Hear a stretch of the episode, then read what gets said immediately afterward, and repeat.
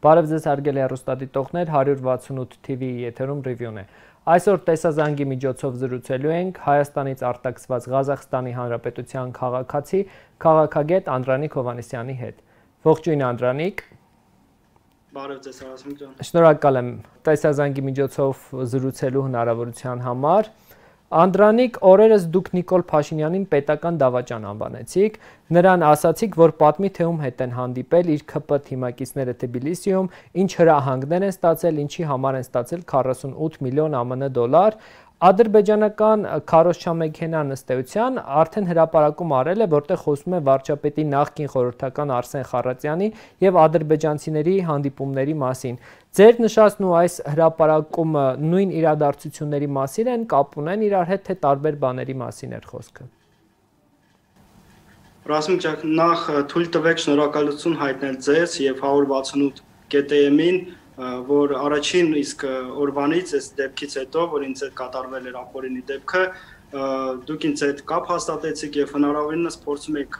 հրապարակել ամեն ինչ, բարձրաձայնել իմ խնդիրը եւ օգնականից լինել։ Ես շատ շնորհակալ եմ ձեզ։ Ինչ վերաբերվում է այդ հարցին, ուրեմն ես մնում եմ եւ պնդում եմ, հստակ ասում եմ, որ այո, Նիկոլ Փաշինյանը այսօրվա մեր վարչապետը ինքը պետական դավաճան է, եւ պետք է պատժվի իր գործերի համար եւ իր թիմակիցների հանդիպումների, գաղտնի հանդիպումների համար, որոնք տեղի են ունեցել իր սկիզբը տեղի ունեցել Թբիլիսիում, Վրաստանում եւ հետո ինչպես այսօր մենք տեղեկացանք հետագայում այլ քաղաքներում են եվրոպական հանդիպումներ գաղտնի տեղի ունեցել տեսեք իմ հստակ 3 հարցերի պատասխանը մինչ օրս մենք այդպես էլ չստացանք արդեն անցել է ավելի քան 1 շաբաթ 10 օր կարծում թե անցել է 3 հստակ հարց է եղել շատ հեշտ հարցեր են եղել ում հետ են հանդիպել բարձրաստիճան ԿՊ-ական պետական գործիչներ քաղաքական գործիչներ Թբիլիսիում ինչ հրահանգներ են ստացել այդ հանդիպման ընթացքում եւ ինչի համար են ստացել 48 միլիոն ԱՄՆ դոլար ես պնդում եմ եւ մնում եմ այն կարծիքին, որ այդ գումարը ստացել է նրա համար, որ որպեսի Հայաստանը տանեն արկործանման։ Եվ այդ ծրագիրը ցավոք սրտի իրականում է այսօր երկու տարվա ընթացքում տեղի է գտնում Հայաստանում այդ ծրագիրը եւ տեսնելով որ ակտիվորեն են արդեն իրականացնում այն ծրագրի կետերը, որոնք նշված են ծրագրում, ես ստիպված եմ եղել որոշ փակագծեր բացել այս հարցի վերաբերյալ։ Ովքեր են մասնակցել այդ հանդիպումներին, որոնց մասին դուք նշում եք։ Ռասմիկ ջան, ինչպես նախկինում հիմա էլ ցավոք սրտի ես գտնվելով Հայաստանից դուրս, ելնելով իմ անձնական անվտանգությունից եւ Հայաստանի Հանրապետության վարկանիշը փորձելով հնարավորինս պահպանել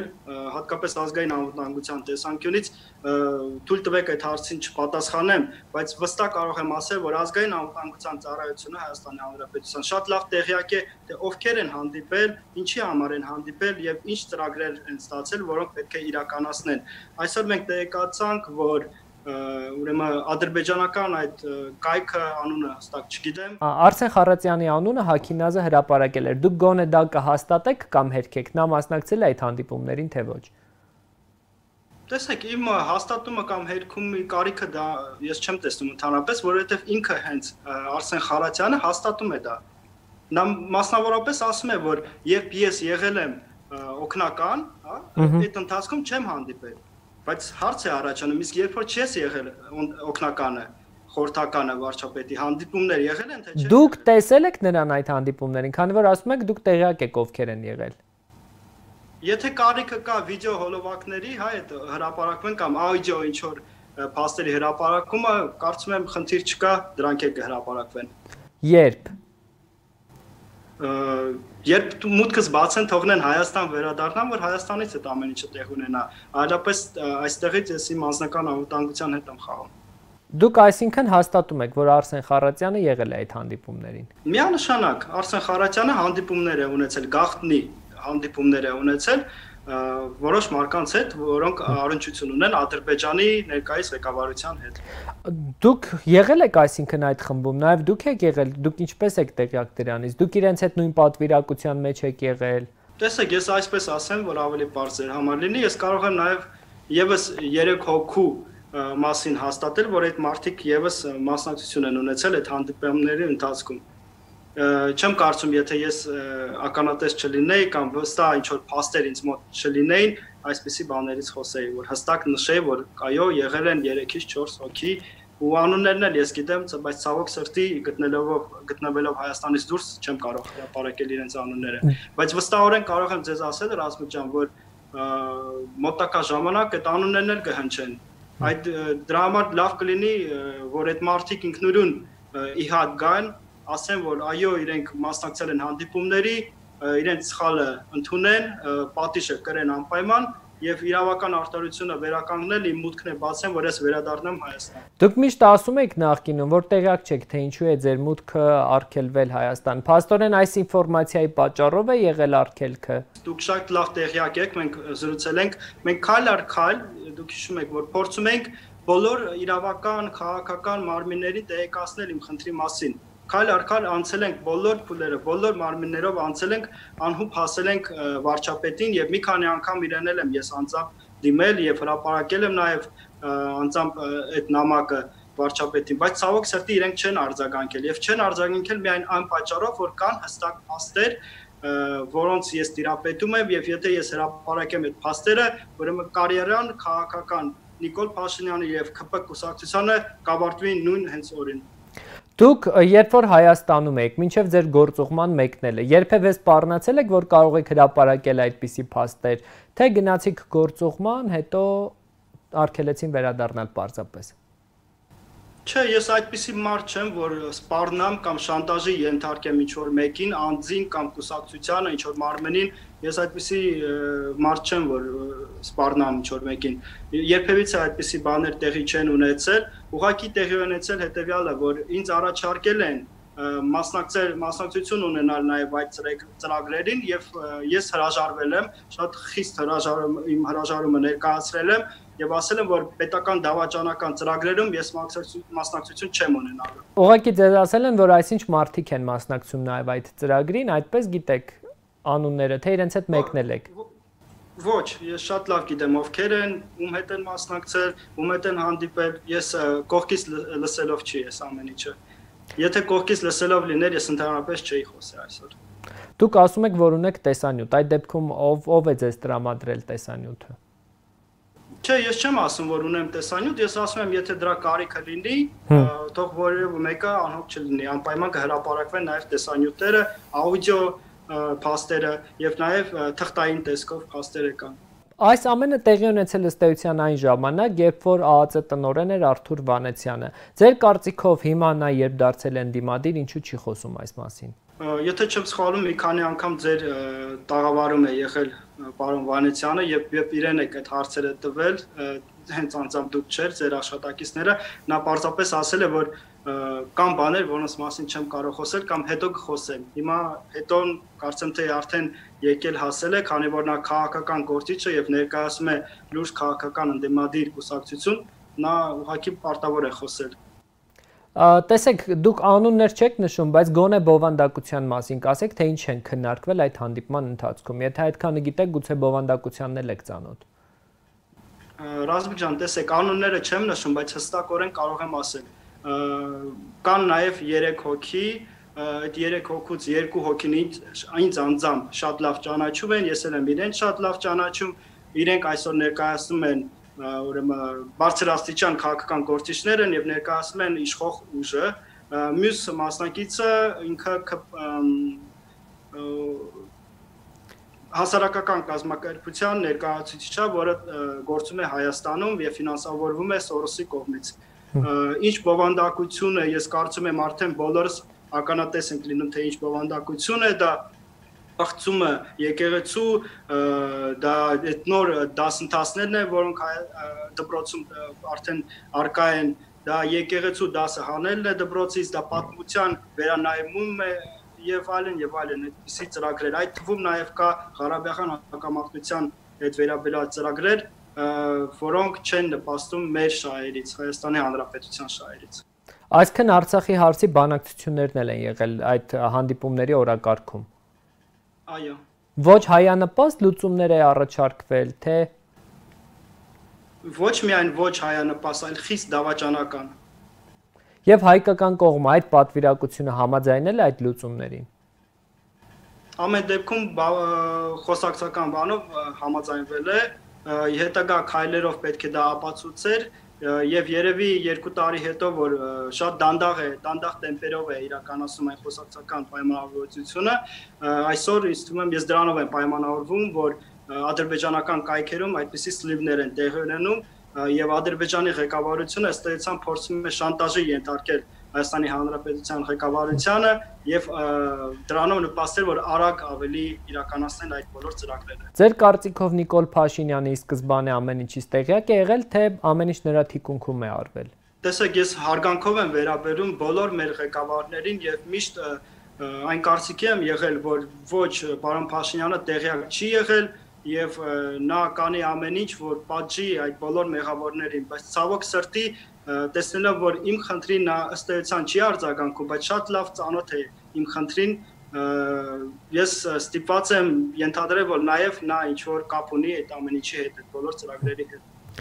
Դուք ասել եք, որ վերջին շրջանում սպառնալիքներ եք ստանում, ում կողմից եք ստանում սպառնալիքներ։ Եւ ինչ բովանդակությամբ են դրանք։ Հա, հատկապես մեր վերջին զրույցներից հետո, երբ ես արդեն մի փոքր բացահայտեցի մի, մի փոքր ճակերտները բացեցի իմ այս խնդրի հետ կապված, ուրեմն տարբեր տեսակի կարոշություն ըստ էության կարոշություն սկսեցին դեմ եւ հայոյանքներ եւ այլն սկսեցին հրապարակվել իմ դեմ հատկապես մեղադրում էին որ ես օտար երկրա գործակալ եմ որ ես ուրեմն ստում եմ որ ես ընդդիմադիր քաղաքական գործիչներից ֆինանսավորվում եմ դրա համար եմ այսպիսի բաներից խոսում եւ այլն եւ այլն այդպիսի տարբեր տեսակի անհասկանալի բաներ էին հրապարակվում միջ օրը շարունակվում է իդեպ ֆեյքերի կողմից հարցակվում է իմ Facebook-յան էջի վրա, քանի որ Facebook-յան էջս փակ է, իրենք կոմենտներ չեն կարող թողնել, բայց անհատական նամակները ուղարկում են, բայց ընդհանրապես ես չեմ անդրադառնում այդ նամակներին, ուղղակի միանգամից ջնջում եմ հասկանալով, որ այդ մարտիկ ըստ էության ֆինանսավորվում են որոշ պետական աղբյուրների կողմից եւ իրենք հրահանգ են ստացել ուղղակի քարոշություն սկսել իմ հանդեպ եւ դա ուղղակի ֆեյքային ֆեյքային էջեր են դա ընդհանրապես հրահանգում կողմից քանի որ պոակի մասի շատ է խոսվում իշխող իշխող ուժի կողմից հստակորեն կարող եմ սա ասել Պոակի մասին շատ է խոսում, որ ֆեյքային հարցակումներ են իրականացնում, ճշմարտություն կա այդ խոսակցությունների մեջ։ Տեսեք, քանի որ ես պոակում աշխատել եմ, այնուամենայնիվ ես կպահպանեմ հարգանքս իմ գործընկերներից նկատմամբ եւ չեմ ուզում իրենց մեղադրեմ ինչ որ բանում, բայց վստահ եմ, որ իրենք շատ լավ գիտեն ինչով են իրենք զբաղվում եւ լավ կլինի իրենց ավելի համեստ պահեն այս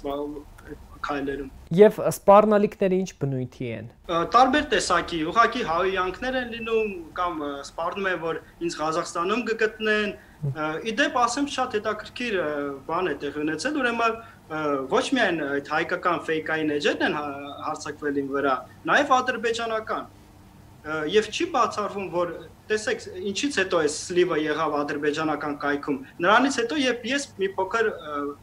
փակագծերը բացեցի Այսինքն ադրբեջանցիները չի բացառվում, որ այս ամեն ինչը պահպանում էին, որ շատ մի այլ պարագայում բացահայտեին, հա, շատ հուշկու հարված հասցնեին ներկայիս իշխանությանը, բայց քանի որ այս գործընթացը արդեն սկսվեց ինձանից, իրենք էլ արդեն ստիպված եղան բացահայտել այդ ամեն ինչը։ Ու դեպի ադրբեջանցիներն էլ են ինձ իմ կայքի իմ Facebook-յան էջի վրա հարցակումներ իրականացնում, նաև ինչ որ ցած գրում են, խոստանում են, որ ինձ Ղազախստանում Ադրբեջանի համայնքի ներկայացուցիչները կգտնեն եւ կպատժեն, բայց դե ես որևէ մեկից վախենալու բան չունեմ։ Այսինքն վերաբերում է, հա, եթե ինչ ինչ վերաբերվում է Հայաստանի Հանրապետության ազգային անվտանգության ծառայությանը, ես ուղղակի կխնդրեմ իրենց որ իրենք դուխով լինեն, չէ՞ որ այդ կարկախոսով են եկել իշխանությանը։ Եվ քանի որ դուխով կարկախոսով են եկել իշխանությանը, թո դուխով հրապարակեն բոլոր այդ նյութերը եւ պատժեն բոլոր մեղավորներին թող չվախենա որևէ մեկից իսկ եթե իրենք դուխով չեն վախենում են ինչ որ բանից թող ուրեմն ենթարկվեն վարչապետին եւ խելոք նստեն տեղները այսինքն ձեր կարծիքով նաեւ ադրբեջանը չէր ուզում որպեսզի այս ինֆորմացիան հրապարակվեր Միանշանակ չէր ուզում, որովհետև իրենք ըստ էության տեսնում էին, որ ամեն ինչը գնում էր դրան, որ ուղակի քայլ առ քայլ արվում էր այդ բոլոր ծրագրերը իրականանում էին։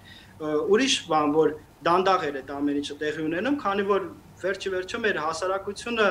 շատ լավ հասկանում է թե ինչ է տեղի ունենում իր կողքը։ Եվ եթե 2 տարի առաջ ինչ որ էմոցիաների էին տրվել ու եւ ամեն ինչ չի որ հասկանում էին, այսօր արդեն այդ էմոցիաները անցալում են եւ հստակ այսօր խելքով, այսպես ասած, ժողովուրդը տեսնում է թե ինչ է տեղի ունենում։ Անդրանիկ գալով դարձյալ մեր զրույցի սկզբին դուք ասացիք, որ ձեզ էլ են առաջարկել ուրիշների էլ են առաջարկել եւ ըստ ձեզ ինչու էին ձեզ էլ առաջարկել միանալ այդ խմբին եւ հանդիպել ադրբեջանցիների հետ? Դժվարանում եմ ասել թե պատճառը ինչու է եղել որ ինձ էլ են առաջարկել գուցե իմ ակտիվությունն է որ ու երիտասարդությունը փորձել են ինչ որ ակտիվ երիտասարդ նոր ուժ ներգրավել իրանց ծրագրերի մեջ բայց